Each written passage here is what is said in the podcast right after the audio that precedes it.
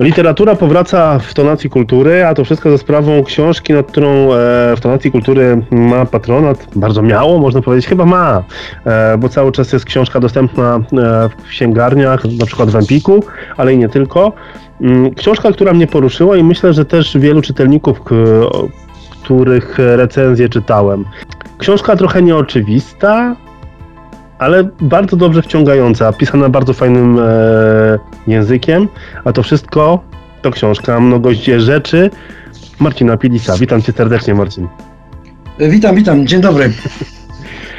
Powiem tak, tak jak powiedziałem, książka nieoczywista, ale myślę, że też okładka może trochę wprowadzić w błąd. E, dobrze, no cóż, w błąd, ja wiem. E, myślę, że ta okładka może wywołać jednak pewien ciąg refleksji być może jakichś takich pytań. Ktoś, kto zamierza kupić tę, tę książkę, przeczyta sobie tam coś z tyłu i porówna to z okładką, co jest na pierwszej stronie, no nie wiem, wydaje mi się, że to może wywołać jakiś, jakoś właśnie coś, co zachęci jednak do, za, do, mhm. za, do zakupu. Dla mnie ta okładka jest oczywiście bardzo metaforyczna i w takim olbrzymim skrócie powiedzmy zawiera to, co jest w tej książce najważniejsze tak bym to odebrał. I dopiero kiedy przeczytamy całość, rozumiemy tak naprawdę wymowę tej okładki. Ale y, jej rola jest chyba taka, żeby po prostu mm, wprowadzić pewien rodzaj taki, jakiś akcent tajemnicy, akcent czegoś, mhm. jakiegoś takiego zwiewnego, ulotnego, ale nie do końca, bo to jest nam jakby taki wylatujący z klatki ptak. No tak. No więc można to naprawdę w bardzo różny sposób, wiesz, odbierać, interpretować, doszukiwać się jakiegoś sensu, a najlepiej po prostu zacząć czytać i wtedy nagle wszystko się rozjaśnia.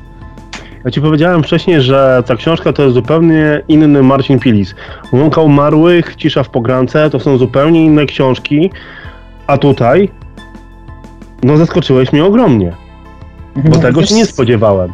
Sam się tego nie spodziewałem. No bo, y, wiesz, jak już mówiłem wcześniej, że po prostu przyszedł taki moment, y, to był rok y, chyba 2019, bo ona była napisana jeszcze przed pogranką w gruncie rzeczy, y, że po prostu pomyślałem sobie, że jest na rynku bardzo dużo rozmaitych romansów, takich właśnie książek tego typu o miłości. No to ja też postanowiłem taką napisać. Zazwyczaj w poprzednich powieściach, takich jak właśnie Relikwia na przykład, to jest taka książka o kościele, gdzie też wątek miłosny, fajny, romantyczny się pojawia, ale właściwie we wszystkich gdzieś tam ta miłość była, zaakcentowana, natomiast nie była nigdy jakimś głównym, zasadniczym tym poprowadzonym wątkiem. Pomyślałem, że właśnie coś takiego napiszę, że to będzie romans. No i właśnie ten romans jest taki, jak w mnogości rzeczy, czyli taki, no nie wiem, romans, nie romans, trudno mi to właściwie nazwać jednym słowem. Ja zawsze mówię, że książka o miłości z jakimiś tam jeszcze akcentami społecznymi.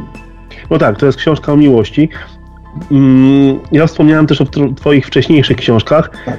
a tutaj mamy miłość. Tak jak tam powiedziałeś, że chciałeś napisać romans. Czy było to dla ciebie trudne?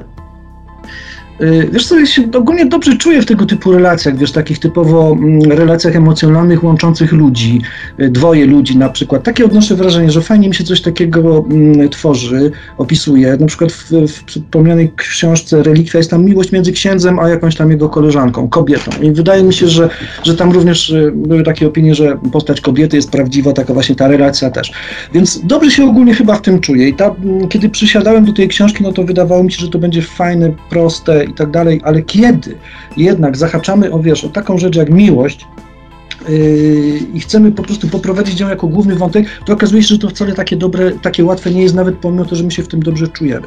A poza mhm. tym ciążyło jeszcze nade mną coś takiego, jak pewna taka świadomość, że o miłości napisano już bardzo wiele.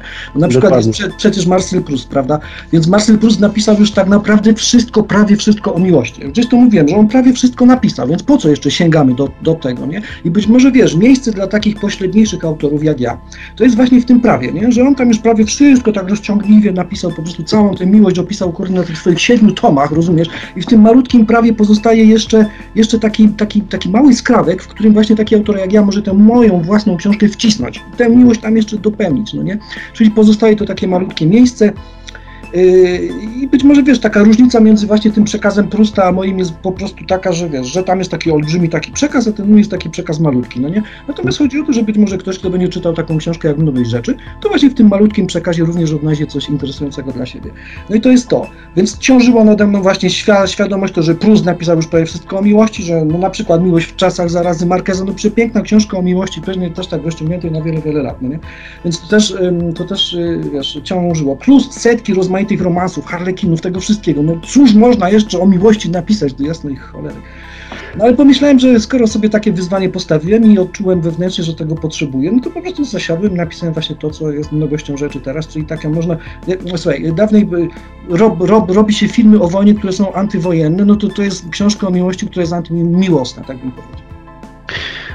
Wspomniałeś o Harlekinach. Kiedyś miałem okazję, byłem ciekaw, dlaczego mm, moja mama tak zaczytuje się w Harlekinach. Bo mojej Więc... mamy wspomnieć też. Tak. I powiem ci, że porwałem jej dwie książki i mówię, bo co w nich takiego jest? No i faktycznie, da, znaczy bardziej bym powiedział, że te książki opierały się na zasadzie takiej miłości i przygody, coś trochę jak e, Szmaragd i Krokodyl, coś w, tym, coś w tym klimacie. Ale wracając do, do samej miłości, powiedziałeś, że sporo książek o miłości, ty też napisałeś książkę o miłości. A wydaje mi się, że ludzie poszukują tej miłości, ponieważ żyjemy w czasach trochę może przesiąkniętych techniką. Tych relacji międzyludzkich nie ma takich jak kiedyś. I myślę, że ludzie też tęsknią za takim bliskim kontaktem, za tą miłością, taką prawdziwą miłością. Bo teraz naprawdę, jeżeli chodzi o kwestię spotkania się z kobietą, czy kobiety z mężczyzną, to jest po prostu obstryknięcie palcem i już się widzą, tak? Powiedzmy, y, jeżeli chodzi nawet o spotkanie face to face. Ale myślę, że to też jest zmora trochę naszych czasów, że jednak my odeszliśmy od tych relacji takich naprawdę bliskich, międzyludzkich, na poczet technologii i każdy z nas jednak mimo wszystko, czytając takie książki, chłonie to, że chciałby przeżyć na przykład naprawdę taką prawdziwą miłość, którą mamy na przykład w niektórych filmach. Wi wiadomo, że to wszystko jest koloryzowane, ale jednak każdy gdzieś by chciał kogoś poznać, pokochać go, że tak powiem, na zabój i by, żeby ta miłość była wieczna żeby miłość była wieczna, taka doskonała, prawda, albo jeszcze najbardziej no tak. spełniona, prawda, no wiesz, ja tam w książce, tam padają takie słowa mniej więcej, że, że taka największa, najbardziej, taka największa miłość nie jest nigdy tak do końca spełniona, no bo gdyby była no tak. spełniona, no to wiesz, no to już nie byłaby wtedy taką największą miłością, prawda, zawsze jednak dążenie do tego, czym jest e, to nasze takie największe, dogłębne, najbardziej dogłębne doznanie, nigdy nie może być speł, spełnione, jeżeli marzymy o tym, żeby ono było takie największe, nieosiągalne wręcz w swojej jakby istocie, no nie, więc w gruncie rzeczy ta książka jest również o czymś takim, no, o dążeniu do, do czegoś podobnego. Ja nie chciałbym tutaj spoilerować, ale ogólnie chodzi tam o takie już, no nie wiem, takie krań, tak, tak sobie wymyśliłem takie krańcowe, wiesz, maksymalne po, po, połączenie między dwojgiem ludzi, no nie, jakie może się w ogóle dokonać Pytanie tylko oczywiście, czy tego tak naprawdę chcemy, no nie? Bo wiesz, w miłości jest tak, że między dwojgiem ludzi jednak powinna być zachowana jakaś tam powiedzmy tajemnica, coś w rodzaju tak, takiego dystansu. To ten dystans po, po, powoduje, że my szanujemy drugiego człowieka. Jeżeli ten dystans jest zbyt krótki, prawda, jeżeli by się już z nim tak łączymy na maksa, no nie chcemy, nie wiem, pożreć z miłości tę drugą osobę, no to w tym momencie to jest jakieś takie zaprzeczenie, wiesz. Y, tak, y, tak mi się wydaje tego, czym, czym miłość między dwojgiem ludzi jest. Natomiast jeśli chodzi o technologię, hmm, no nie wiem, nie wiem, technologie dzisiaj sprzyjają na przykład jakimś takim e, skokom w bok chociażby, no nie, bo to ułatwia bardzo na przykład... Dokładnie o tym chciałem powiedzieć, ale no, wiesz... No.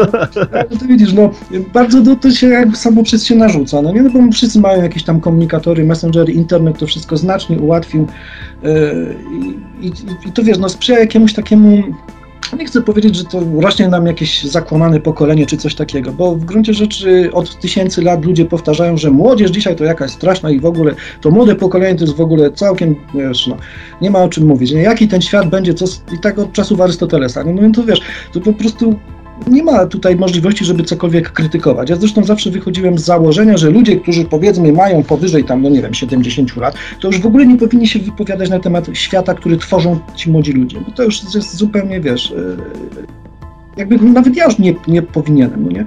A kiedy będę miał te 70 lat, to ja powiem, słuchajcie, ja nie chcę głosować, bo to już nie jest moja rze rzeczywistość, ja już jestem na wyjściu, no nie? Ja wam to zostawiam, wy sobie głosujcie, róbcie z tym światem co chcecie, bo już nie jest mój. E, a no, ale to jest mój jakiś tam wewnętrzny pogląd, no nie? E, no. Natomiast technologia to wszystko, wiesz, z jednej strony, sprzyja temu, żeby sobie, tak jak mówiłem, skakać w bok, czyli rozszerzać tak naprawdę tę rozpiętość niesamowitą e, uczuć, uczuć czy czegokolwiek, no nie? Poznawać więcej ludzi. E, no nie wiem, a z drugiej strony ułatwia na przykład e, jakieś tam, no nie wiem, e, ułatwia to, że ludzie łatwiej z sobą na przykład kończą te kontakty, co jest oczywiście bardzo złe, ponieważ niekiedy po prostu wycinają kogoś ze znajomych na Facebooku albo coś takiego robią, prawda? Więc w tym momencie to jest oczywiście bardzo złe dla człowieka, który tego doświadcza, tak mi się przynajmniej wydaje nie wiem, e, najważniejszy jest jednak ten kontakt taki bezpośredni, wiesz, kiedy mamy przed sobą jakąś tajemnicę, którą jest ten drugi człowiek, no nie? Y, widzimy się twarzą w twarz, a nie ekran w ekran i wtedy wiesz, każdy gest jest jakąś zagadką, y, jakąś tajemnicą, nie, tym dążeniem w nieznane, no nie? I wtedy, wtedy chyba taka namacalna obecność tej drugiej osoby jest czymś niezmiernie inspirującym. Im więcej tego typu obecności, tym być może większe, głębsze jest to doznanie. Myślę, że przez ekran tego tak do końca się nie da przekazać czy też poczuć. No. Dlatego zawsze najlepsze są spotkania face to face na żywo, bo wtedy bardziej możemy taką drugą osobę powiedzmy rozszyfrować. Nie no, zgadza się, wiesz, przy czym wiesz, y, to jest bardzo ważne, ale mnie się wydaje, że przynajmniej w książce starałem się tej miłości nadać taki nieco, wiesz, inny wymiar.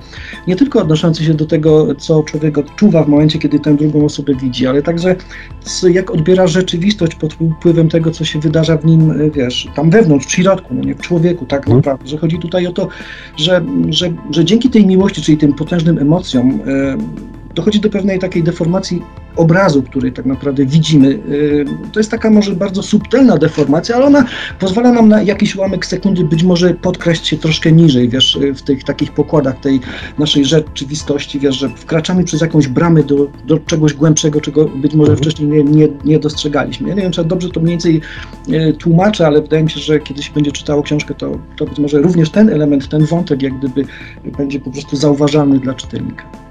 Myślę, że na pewno. Powiedzmy o głównych bohaterach, o Marcie i Mariuszu. To są osoby całkowicie fikcyjne. I czy Mariusz ma coś z ciebie?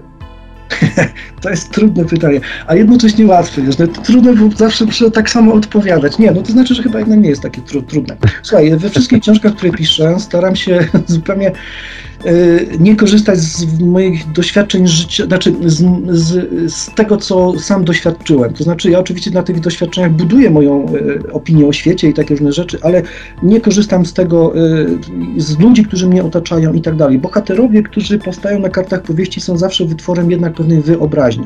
Być może ja podświadomie wkładam do nich jakieś osoby, które znam z, ży z życia, ale na pewno nie robię tego świadomie. Mariusz nie ma twarzy żadnego ze znanych mi ludzi.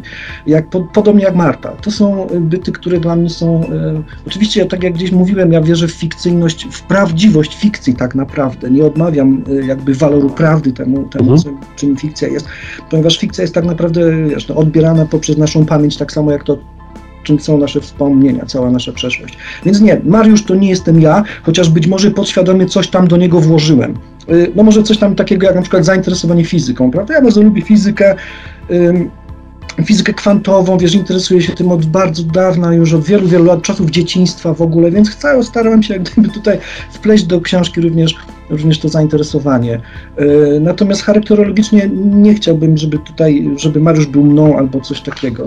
Myślę, że nie, że to tak jak na przykład, wiesz, w książce Zemsta kobiet tam jest postać takiego strasznego mordercy, maniakalnego, wiesz, ale bardzo wyrafinowanego człowieka, który po prostu jest takim seryjnym mordercą i tak dalej, natomiast e, jest niezmiernie gruntownie wykształcony, wiesz, i ktoś mógłby pomyśleć, że, że nie wiem, że ja po prostu jestem ukrytym jakimś takim e, krwawym psychopatą, e, który gdzieś tam morduje kogoś. No nie, no nie, ja tę powieść, ja tę postać próbuję jakoś sobie ułożyć, ja w nią wchodzę w jakiejś mierze, ale to, to nie. Więc na pewno Mariusz nie ma wiele ze mnie, przynajmniej tak mi się wydaje, podświadomie, jeżeli do niego coś włożyłem, to nie jestem do końca tego świadom, tak jak mówię. Marta to również jest postać fikcyjna i nie da się jej znaleźć w życiu. Cała historia, która rozpoczyna się od tego, że Mariusz przychodzi na pewną sztukę i słyszy głos Marty, później spotykają się przypadkowo. To jest w ogóle, myślę, że coś, co mogłoby się nie zdarzyć tak na dobrą sprawę w realnym życiu, chociaż może nawet nie do końca, bo zdarzają się też sytuacje, że gdzieś tam ktoś kogoś poznał przez przypadek, później gdzieś tam się znajdują po, e, po, po latach ale to jest niesamowity twój zabieg po prostu, żeby rozpocząć tą historię, żeby pokazać to, jak na przykład jakieś zdarzenie życia, nawet ten głos, powiedzmy tej kobiety, o której nie wie e, Mariusz, że jest to Marta, może tak wpłynąć na nasze życie. To jest coś niesamowitego w ogóle. Jak ja zacząłem czytać i właśnie pojawia się ten temat, mówię wow, super, super, mega. Y, rozumiem, no wiesz, ale tutaj chodzi o to, bo ty mówisz o tej przypadkowości, która y, być może nie, nie mogłaby się zdarzyć. Wydaje mi się, że mogłaby ogólnie biorąc, ale tak naprawdę chodzi mi tutaj o coś takiego, jak gdyby, y, co moglibyśmy naz nazwać pewną, po, pewnym powiązaniem między tym, co konieczne, a tym, co przypadkowe, no nie? Mhm. Więc chodzi mi tutaj o to, że być może nie że to, co wydaje nam się przypadkowe, jest w gruncie rzeczy konieczne, chociażby ze względu na to, że się wydarzyło. Wiesz, y, w książce bardzo często poruszam tę tematykę związaną z takim determinizmem, wiesz, skrajnym i tak dalej, no nie, wiesz, to, no i tutaj to pytanie o Mariusza i mnie, no w jakiejś mierze jest to taki mój pogląd na świat, no nie? Mhm. Zakładam po prostu jednak, zgodnie zresztą z jedną z teorii fizycznych o tym, że, że, że czas w jakiejś mierze jest już dokonany że tak naprawdę y, wszystko, co przeczuwamy, jak gdyby, tam chyba nawet pada takie zdanie, że nasze przeczucia są pewnego rodzaju wychodzenia poza nas nasz, nasz czas teraźniejszy, w jakim się teraz znajdujemy i są taką jak gdyby intuicją tego, co ma nastąpić, ale w sensie, że już nastąpiło. I my to w jakiejś mierze przeczuwamy, przeczuwamy coś. Nie możemy przeczuwać czegoś, co nie nastąpiło, bo ta mhm. przyszłość, wiesz, no, przy założeniu, że czas po prostu to jest jakby taka y, przesuwająca się kreska i teraźniejszość to jest początkiem tej kreski, czy tam jakiegoś, wiesz, ciągu jakiegoś, no to nie można byłoby nic przeczuwać, wiesz. Nie, nie, chodzi o to, że to przeczucie napływa do nas właśnie z przyszłości, z tego jeszcze, czego nie doświadczyliśmy, więc czas jest tak naprawdę dany, natomiast e, nasze przeżywanie czasu za pomocą, gdyby wiesz, e, teraźniejszości jest e, pewnego rodzaju no, taką interpretacją umysłu, czy też pewnego rodzaju złudzeniem, jak powiedzielibyśmy. Czas nie jest rzeką, która płynie i my wraz z nią, tylko raczej powiedzmy płaszczyzną jakiegoś jeziora, po której my sobie pływamy w różne strony, wiesz, mhm. tworzymy jakieś zygzaki i to jest obraz tej naszej teraźniejszości, więc to jest właściwie w tej książce zaznaczone tutaj i to spotkanie Mariusza y, z Martą po latach, no nie, w gruncie rzeczy, no nie, jak on już tam po latach się z nim widzi, nie jest do końca po prostu przypadkowe, ponieważ czegoś takiego zgodnie z ideą zawartą w tej powieści nie ma. Zresztą Mariusz to ciągle powtarza, że czas to jest jakiś tam lodowiec, wiesz, złożony z jakichś tam zamrożonych chwil. Ale właśnie to jest piękne e, w tej powieści. Fajne też jest to, że nie ma nazw e, miast, tylko jest na przykład pierwsza litera. To jest w ogóle niesamowite, ponieważ e, wydaje mi się, że możesz sobie zinterpretować to jak chcesz po prostu to miasto, tak? Czy ktoś przyjechał z Lublina, czy przyjechał z innego, innego miasta. E, w ogóle skąd taki pomysł, na, żeby właśnie nie przekazywać, że ktoś jest na przykład, nie wiem, z Piotrkowa Trybunalskiego, a ktoś tak, jest, no nie wiem, z Katowic, skąd taki pomysł? I tak dalej, wiem, wiem. No ale właśnie to dlatego, no tak jak mówisz, no właśnie to jest, to jest, to jest, to jest, to jest po to, żeby ta interpretacja była taka. Wiesz, tam Mariusz jest, tu studiuje w mieście K, no ja nie będę mówił, bo w jakiejś mierze ja mam tutaj pewne wyobrażenie miasta konkretnie, no, o które mi chodzi, e, ale myślę, że no, ktoś może się domyślić, że się tak się troszkę zastanowić, nad, tam opisów dużo nie ma tego, tam jest może jedna ulica, jest chwilami, nie bawię się zresztą zbyt często w opisy mhm. otoczenia i tak dalej, bo no chyba, że widzę w tym sens, no nie, no to wtedy, wtedy tak. Ale właśnie dlatego tak, że to jest ta interpretacja. Y, wiesz, na przykład w książce Zemsta Kobiet też nie ma nazw tak naprawdę miast, y, chociaż tam nawet tych liter nie ma, no, w ogóle nic się takiego nie pojawia. Wydaje mi się, że skoro zwróciłeś na to uwagę, to właśnie dobry pomysł. Mnie też się wydał taki właśnie fajny, taki, nie wiem, ta książka się robi jeszcze bardziej otwarta niż... No myślę, że tak, że masz, ta książka daje ci sporą taką drogę do samointerpretacji pewnych rzeczy. No ale to właśnie, wiesz Kamil, bo to właśnie na tym polega. To jest właśnie idea całej, wiesz, literatury, idea prozy, no nie, że właśnie my interpretujemy, czyli tak naprawdę samodzielnie wyszukujemy wyszukujemy sensy czytając tę książkę. Wiesz, nie, nie czytamy po to, żeby odkrywać jakąś tak naprawdę, żeby, żeby znaleźć w, po, w powieści jakąś konkluzję, no nie ostateczną tam, mm. wiesz, wniosek konkluzywny, który nam po prostu poda na tacy odpowiedź na pytanie dlaczego, no więc nie, no my musimy sami tę odpowiedź sobie zbudować w nas, a, a y, i, w, i, w, i w tym momencie, wiesz, to jest, ten, ten, ten, to jest to taka symbioza między książką a czytelnikiem, no i tutaj jak gdyby na, y, na tej przestrzeni, tej relacji między, między tym przedmiotem, książką, a umysłem czytelnika odbywa się właściwie, wiesz, to, to clue odczytywania treści, no nie, czyli tych wszystkich znaczeń tak naprawdę, podążając za jakimiś tam drogowskazami, które ewentualnie autor zostawił, bądź też nie zostawił. No ale końcową jak gdyby fazą, którą musi osiągnąć czy, czytelnik, jest ta ostateczna refleksja już po skończeniu całości dzie dzieła, który jest jakąś tam zamkniętą całością.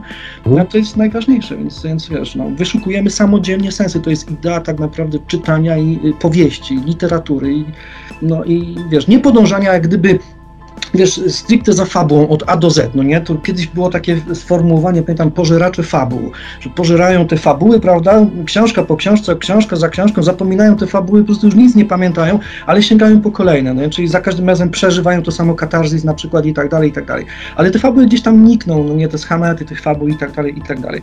Więc chodzi o to, żeby wyjść poza tę fabułę, żeby jak gdyby to odczytywanie było jak gdyby takim odczytywaniem, wiesz, mm, no nie wiem, kurczę, yy, po prostu z samej treści istnienia bohaterów, no nie, nie tego na przykład, czy akurat w danym mom momencie zro zrobili, tylko w jaki sposób oni, w jaki sposób oni coś robią, w jaki sposób istnieją na kartach tej książki i w ogóle cała ta, ta rzeczywistość. No więc to jest jak gdyby, wiesz, takie po prostu wyjście poza samą tę fabularność taką od A do Z. E, I to mi się wydaje, że to jest, to jest, to jest to jest, to, jest, to jest ważne i chyba wiesz, tutaj też jakość tego powieściowego języka może w jakiejś mierze decydować o tym, że wyjście poza tę fabularność jest w ogóle możliwe. No. Tak bym mhm. mniej więcej wiesz, ujął z formy. Marcin, a do kogo to byś skierował tą książkę? O kurczę. A wiesz, że nigdy nie zastanawiam się nad tym. Yy, no to Ważnie. masz, masz takie pytanie ode mnie, a co? Ale jest okej. Okay. Słuchaj, Wiesz, naprawdę, y, mówiąc szczerze, nie wiem. Chyba no, do, do, każdego, kto chciałby y, czytać tego typu powieść. Wiem, że ona się nie każdemu może spodobać. Może być momentami dla niektórych czytelników taka dość hermetyczna, prawda? Tam są fragmenty takie dość rozbudowane mówiące o wnętrzu człowieka, o jego psychice, o tam różnych takich rzeczach. Ja nie wiem, czy one do końca są atrakcyjne. No, z tych różnych tam, wiesz, jakichś opinii, no, okazuje się, że tak, że ta książka nie jest jakaś nudna, czy coś takiego. No chociaż, jak mówię, są tam pewnie jakieś opinie, y, czy, czy jakieś oceny słabsze i tak dalej. No ale chyba jeszcze nikt nie napisał książki, która by się każdemu podobała. Wiesz co, nie wiem, ja bym po prostu y, polecił tę książkę każdemu czytelnikowi, z, y, wiesz, mówiąc o tym, no zaryzykuj, spróbuj, no nie? My widzieliśmy się w maju, wtedy była mm, też premiera, z tego co pamiętam, e, mimo gości rzeczy. Teraz mamy wrzesień. Minęło trochę czasu. Mm, też miałeś pewnie okazję trochę poczytać też recenzji czytelników odnośnie książki. No i co też ważne, książka pojawiła się w topie w Empiku. Jak ty oceniasz z perspektywy czasu przyjęcie tej książki przez czytelników i to wyróżnienie to, że ta książka jednak też pojawiła się dosyć wysoko, jeżeli chodzi o notowania Empiku? No tam wiesz, no, czytelnictwo okazuje się dobrze. Ja byłem troszkę zaskoczony, ponieważ y, kiedy książka wychodziła, znaczy to tak, ona była napisana w ogóle w 2019-2020, no nie? Yy, przy czym z wydawcą stwierdziliśmy, że wcześniej yy, najpierw powinna się ukazać inna książka, którą zaplanowali, czyli właśnie Cisza w, w pogrance. Z tym, że Cisza jeszcze nie była wtedy napisana, więc musiałem ją napisać. Mhm. Napisałem Ciszę w pogrance i dopiero po Ciszy już właśnie ukazała się wreszcie mnogość rzeczy, czyli książka kompletnie różna. Yy, wiesz, yy, trochę się właśnie obawiałem tego, że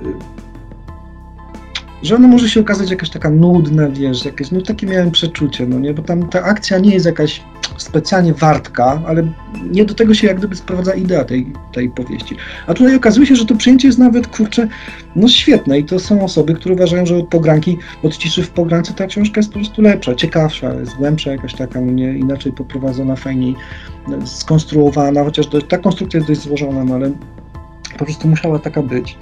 Y, ja się ogólnie biorąc cieszę, wiesz, no to jest tak, że wiesz, od zawsze, od y, kurde, pierwszych książek, które gdzieś tam wydawałem, zawsze i do dzisiaj mi to zostało, zawsze miałem takie poczucie niezmiernej odpowiedzialności za reakcję czytelnika, to znaczy yy, jeżeli ktoś poświęca swój czas i wybiera tę moją książkę, zamiast jakąś inną wybrać, no nie, bądź na przykład pograć sobie w piłkę albo obejrzeć serial, prawda, Ruth, yy, tam ród smoka, powiedzmy. Ale on właśnie bierze tę książkę i wiesz, i, i, i akurat ją czyta. To, ja, to jest dla mnie niesamowite też takie wyróżnienie po prostu. No, ja zresztą jestem też czytelnikiem, wybieram jakieś tam książki, i, ale nie odbieram tego w ten sposób. Natomiast będąc autorem wiem, że ktoś poświęca parę godzin swojego życia, wiesz, na to, żeby tę książkę przeczytać, to jest to dla mnie nieprawdopodobne. Yy, dlatego yy, zawsze mam takie poczucie, że jeśli to się jeszcze spełnia, że lu, lu, ludzie mówią, że ta książka jest fajna, jest dobra, no nie, to jestem naprawdę wzruszony po prostu, bo no, nie da się tego inaczej, wiesz, powiedzieć. Yy, I już tyle lat od tam tych książek sprzed tam 12-15 lat minęło i ja się tego nadal nie pozbyłem i po prostu zawsze to mam, no nie, i dlatego każdy, kto do mnie napisze gdzieś tam, no nie, na Messengerze czy coś, albo na Instagramie i powie, Panie Marcinie, jest fajny, to jestem po prostu naprawdę bardzo, bardzo mocno poruszony. Dlatego też teraz tym bardziej jestem poruszony tym, że ta książka, mm, miałem pewne jakieś tam y, obawy, że ona może jednak być za trudna, czy coś takiego. Mhm. To się okazało, że jakoś tak wyważona jest w miarę okej. Okay. Marcin, masz na swoim koncie 7 książek, z tego co liczyłem. Powiedz mi, w jakim ty punkcie swojej kariery jesteś teraz? Nie wiem, trudno mi powiedzieć. Nie patrzę na to jako na karierę, wiesz. Y, byłoby to wtedy, gdyby, no nie wiem Zależy, co rozumiemy pod pojęciem kariery i pod pojęciem, no nie wiem, autora, pisarza, trudno mi powiedzieć. Ja nigdy nie używałem w stosunku do siebie pojęcia pisarz, ponieważ, e, czekaj, ktoś kiedyś powiedział, że pisarz to jest ktoś taki, kto ma 40 centymetrów co najmniej na półce swoich książek, no to ja, no nie mam jeszcze tych 40 centymetrów, jak je tak poustawiam, wiesz, jedna obok drugiej, no nie? Inni mówią, że to jest wtedy taki pisarz, to jest już wtedy, gdy na, na przykład star, starszy mu z tego zarobku, żeby y, wyżywić się po prostu przynajmniej na poziomie jakimś tam podstawowym, E, nie mówię tu o wykwintach typu, nie wiem, McDonald's czy tam jakieś inne tego typu, tylko zupełnie podstawowy chleb z masłem i żółtym serem. No ja wtedy mogę powiedzieć, jestem pisarzem i żyję z pisania. Więc jest nieważne jak, no ale w każdym razie żyję, no nie. E, no nie, nie, wiesz, e, tutaj polski rynek jest dość specyficzny i to jest bardzo trudny kawałek chleba, jeśli już tak normalnie mówić. Nie wiem na jakim punkcie, bo ja nie traktuję tego, wiesz, pisania jako jakiegoś wejście w jakąś karierę niesamowitą wiesz, no pisanie daje po prostu poczucie przeżywania życia z jakimś sensem. No przynajmniej mamy jakieś takie, taką, wiesz, wewnętrzną ułudę, że ten sens gdzieś tkwi. I to jest chyba takie coś, co wewnętrznie potrzebujemy kurde, mówię znowu w, liczb, w liczbie mnogiej, potrzebuję, powiedzmy, no nie? więc nie, bo ktoś mi kiedyś zarzucał, że nie mów w liczbie mnogiej, no nie, ja staram się jakby poprzez mówienie w liczbie mnogiej jakby troszkę nadać pewnego obiektywizmu wypowiedzi, no mhm. okej, okay, nie będę się wypowiadał za innych przecież. Więc wiesz, no to jest na, naprawdę, to brzmi patetycznie, ale pisanie książki o jakiejś takiej powieści daje poczucie po prostu sensu życia w jakiejś mierze, no nie? albo jakieś namiastki tego sensu, bo sensu i tak naprawdę to w ogóle go nie ma. Czegoś takiego nie odczuwam i w zasadzie, no cóż, no, wiesz, ta perspektywa śmierci, z której tak naprawdę powinniśmy spoglądać na swoje życie, jest tak naprawdę decydująca i jedynie z tego punktu widzenia y, powinniśmy y, realizować, nie wiem, swoje jakieś tam y, no nie wiem, podejście do życia czy coś takiego. Mhm. Nie postrzegam tego pisania jako kariery. Nie wiem, po prostu myślę o tym, żeby sobie napisać jakąś następną książkę, o czym ona będzie, nie wiem, czy mi wyjdzie też, nie wiem, czy się spodoba też, nie wiem. Więc w taki sposób do tego podchodzę. Marcin, rozmawiamy pierwszy raz, jeżeli chodzi o kwestię wywiadu, więc jest pytanie, które ja zawsze zadaję mm, osobom, z którymi pierwszy raz rozmawiam i uwaga, jest to pytanie, jest to pytanie, czy Marcin Pilis ma gatunek literacki, z którym chciałby się zmierzyć? No to już się zmierzyłem właśnie, to ten romans, jeżeli powiedzmy, że, y, no nie wiem, z Harlekinem się zmierzyłem, jeżeli uznamy, że na przykład Harlekiny to jest jakiś gatunek literacki, znaczy tego typu powiedzmy literatura, no to zmierzyłem się i przegrałem z Kretesem, wydaje mi się, bo żaden Harlekin z tego nie wyszedł do cholery. No nie, no więc coś takiego. E, nie, ale na poważnie, wiesz co, y, nie wiem, kiedyś myślałem o tym, żeby napisać coś, wiesz, science fiction, prawda? Kiedy mm. byłem y, gdzieś tam w podstawówce, to, wiesz, prenumerowałem fantastykę i tak dalej, i pisałem takie, mm, pisałem takie opowiadania science fiction właśnie, w takich zeszytach jeszcze w kratkę starych, takich, gdzieś to mam tutaj nawet y, w domu. Więc y, być może coś takiego, ale nie wiem, czy kiedykolwiek spróbuję. To jest jednak ciężki kawałek taki, wiesz, zrobić dobry science fiction to nie wiem, ale to myślę, że to byłoby coś takiego. Kiedyś jeszcze myślałem o kryminale, takim sensu stricto, ale no nie wiem, czy to mnie pociąga gdzieś, kurczę. Też już właściwie wszystko napisane. Musiałbym jakieś naprawdę to fajnie wymyślić. No. Czasem niektórzy postrzegają Łąkę Umarłych jako pewnego rodzaju takie tam namiastka kryminału troszkę jest, mhm. połączonego z jakimś tam thrillerem. No. Ale Mnogość, e, mnogość rzeczy za nami. Nad czym teraz pracujesz? E, to wiesz, tak do końca nie chciałbym zdradzać. Mogę jedynie powiedzieć, że wiesz, że to jest, y, y, to jest taka książka, mam nadzieję, że, że jak wszystko dobrze się potoczy, to wiesz, ona się ukaże w przyszłym roku, y, w której występują bohaterowie jednej z poprzednich książek. Ale to wiesz, to nie jest tak, że trzeba ją czytać poprzez tamtą. To jest mhm. zupełnie odrębna rzecz. Może nie będę zdradzał tutaj głębiej, no taka współczesna powiedzmy. Też o miłości? Częściowo tak, tak. Myślę, że o miłości. Wiesz co, może tak, na Facebooku zamieściłem fragment tej książki. Yy, jakieś pierwsze chyba trzy akapity. Gdzieś tam na Facebooku, nie wiem, miesiąc temu chyba. Początek po prostu powieści. Yy, jak tam właśnie Lena jest. No, yy, jedna z bohaterek poprzedniej powieści. To już dużo zdradziłem. Tak czy owak. Ale tak jak mówię, to po prostu nie trzeba tutaj sięgać po tę poprzednią, to będzie coś zupełnie innego, jak to Monty Python mówił, coś z zupełnie innej beczki. Mhm. Wspomniałeś o serialach, wspomniałeś o książkach, że sam też jesteś e, czytelnikiem. No teraz takie dwa szybkie pytania. Co czytasz? E, czy coś możesz polecić, co przeczytałeś ostatnio? I jeżeli chodzi o kwestię seriali, czyżbyś oglądał jednak ten Ród Smoka, bo o nim powiedziałeś?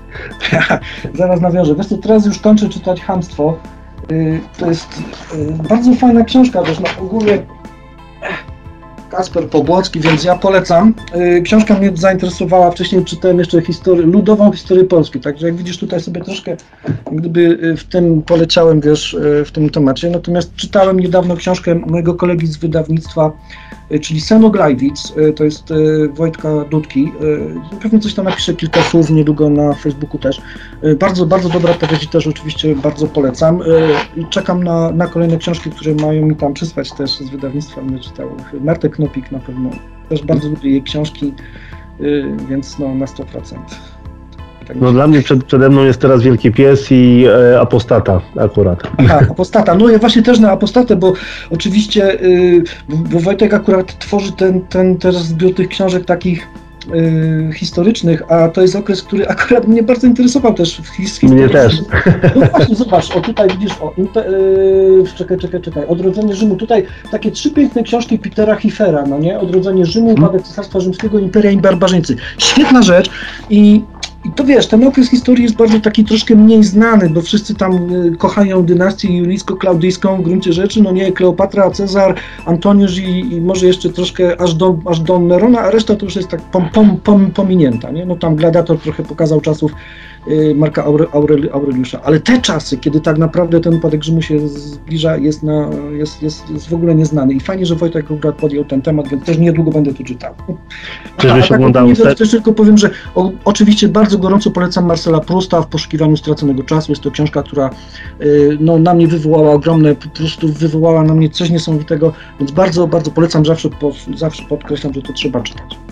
A propos Rzymu, to jeszcze nie wiem, Pewnie oglądałeś, na HBO był kiedyś taki serial e, tak, no, bezwzględnie. To, ja pamiętam, jak to, jak to pierwszy sezon zobaczyłem, wiesz, to kupiłem w Częstochowie wtedy, pamiętam w Empiku w ogóle, mam do dzisiaj gdzieś tutaj płyty, to na płytach taka, wiesz, było jeszcze chyba 2005 rok, czy coś takiego. Byłem zachwycony, no, no, to był najlepszy serial wtedy, jaki oglądałem, no nie? I mhm. potem szkoda, że to dwa sezony tylko, a znak znakomity.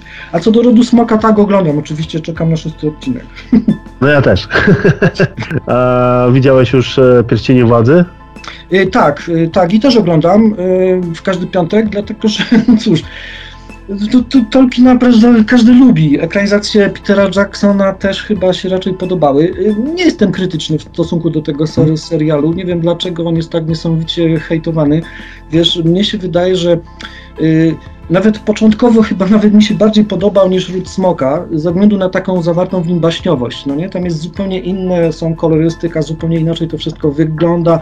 Jeśli ktoś czytał Silmarillion, no to kurczę, może się troszkę jak gdyby zawieść, no ale oni też znowu, Amazon nie ma do końca praw do tego, żeby to wykorzystywać. Natomiast tak ogólnie, jeżeli już tam trochę znamy tę historię, wiemy o co chodzi y, w tej całej, w tej, w tej całej opowieści, to mnie się wydaje, że jest ok, że jest ok numer on był bardzo fajnie pokazany, wiesz, podoba mi się taka baśniowość i to, że tam zło jest złem, wszystko jest takie proste, wiesz, nie tak jak w, w Rodzie Smoka, gdzie mamy tak naprawdę jakąś taką, wiesz, skomplikowaną y, intrygę dworską, wiesz, no coś w tym stylu, a tutaj mamy tak naprawdę starcie pier, pier, pierwotnych sił, no nie, tak jak u, u zarania dziejów, wiesz, jak w mitologii greckiej, no nie, że mamy zło i dobro, które się ścierają, wszystko jest czyste i jasne, bez niedopowiedzeń. I to jest, wiesz, fajne. I też nie, nie zgadzam się z jakąś taką niesamowitą krytyką Galadrieli, bo owszem, no dziewczyna ma tam parę tysięcy lat, no nie, ale w gruncie rzeczy, no nie wiem, być może jej rozwój tak się powoli toczył, wiesz, i do czasów, y, do,